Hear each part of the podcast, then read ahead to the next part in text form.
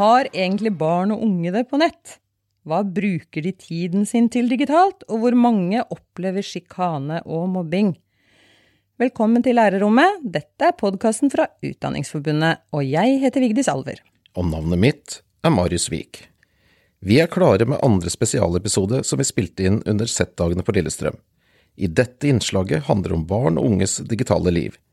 Vi har snakket med Thomas Haugen Hepsø og Berit Andersen fra Medietilsynet om funn fra nyeste barn- og medieundersøkelsen, og hva som kan gjøres for å bedre den digitale dømmekraften hos de unge.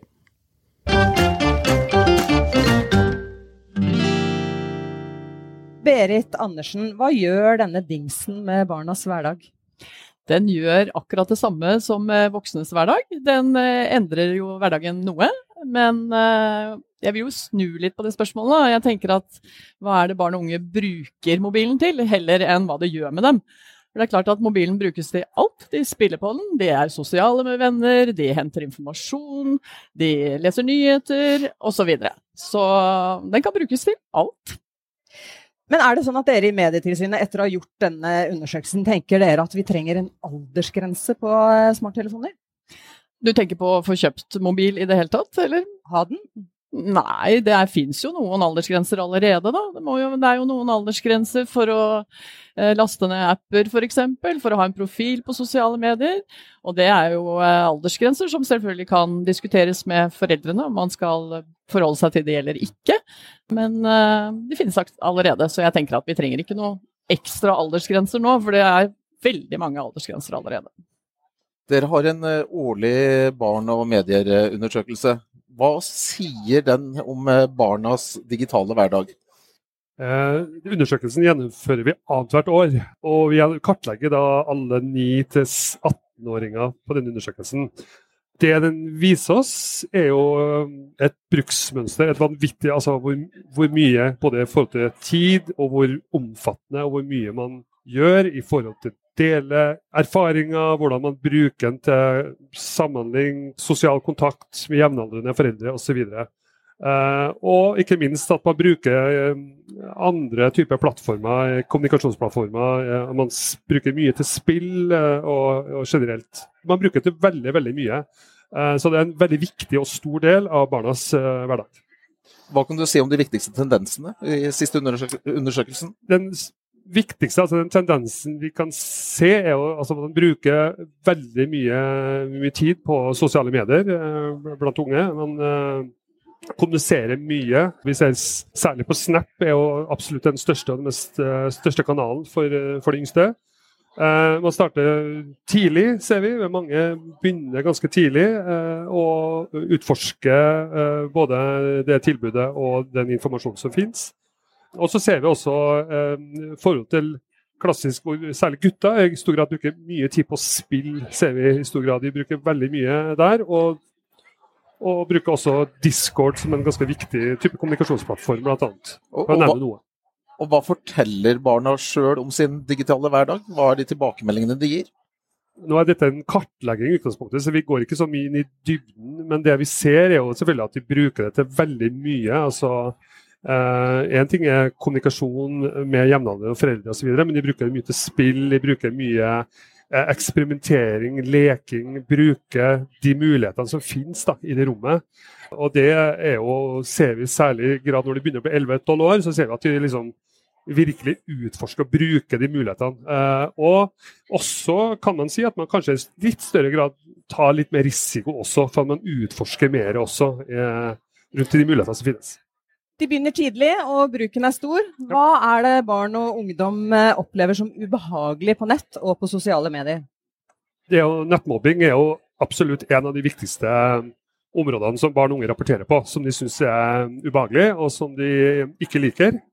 Eh, det har det vært tydelig på i mange mange år. Hva slags type nettmobbing? Nettmobbing er type tilbakemeldinger, utestengelse på nett, sårende meldinger, ikke få være til å være del av et slags lite samfunn, eh, jevnaldrende.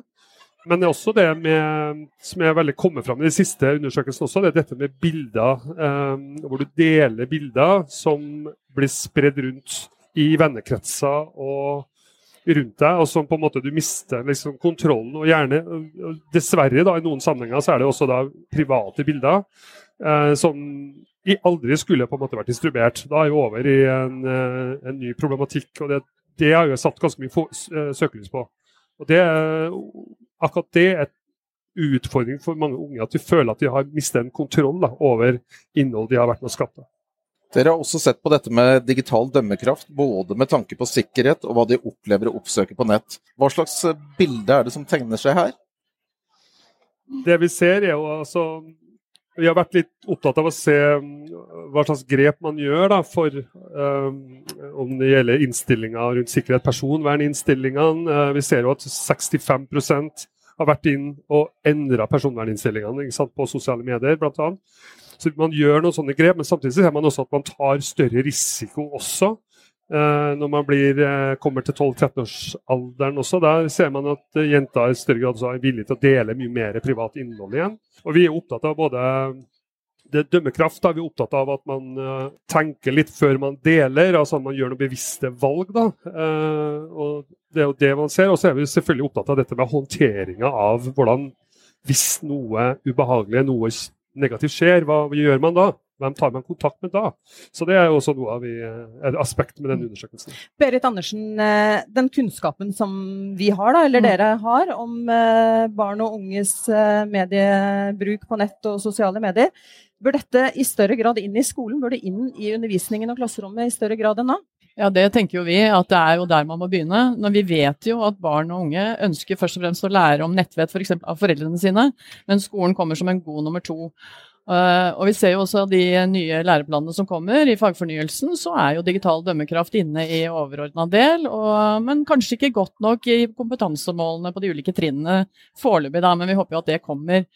Men det er klart at man kan ikke vente med disse tingene, man må begynne tidlig. Så det må jo komme inn fra dag én i skolen, at man jobber systematisk med det. Så, um, så det er bare å sette i gang. og her er du jo inne på noe sentralt. Hva, altså, hva kan gjøres for å eh, forbedre den digitale dømmekraften til, eh, til barn og ungdom? Jeg tenker at vi må eh, sammen, voksne som jobber med barn og unge, og foreldre sammen, sørge for at uh, vi gir de de ferdighetene som trengs.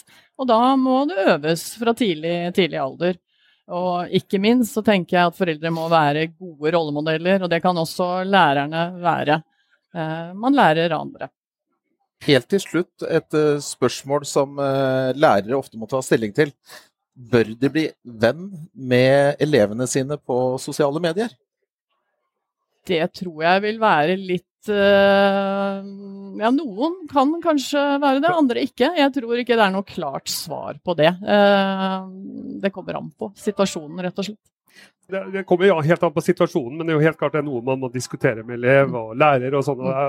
I noen sammenhenger er det kanskje ikke så lurt heller. men uh, men uh, det er et spørsmål som er godt kjent, og jeg tror det er ulik praksis på akkurat det området her. Så, men uh, det, det klart må diskuteres uh, godt, og alle en slags enighet om at I hvert fall reflektere godt ja, jeg, rundt jeg, tror det. Jeg tror det. Ja, det må det. det, må det. Og med det så sier vi takk til dere, gjestene våre fra Medietilsynet. Og vi sier også takk for i dag fra standen til Utdanningsforbundet og denne innspillingen av Lærerrommet.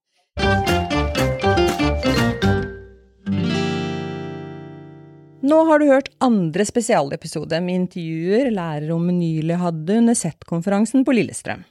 Du finner flere episoder med interessante intervjuer og samtaler om du abonnerer på Lærerrommet i en av alle podkastkanalene våre. Tusen takk for at du hørte på. Ha det bra!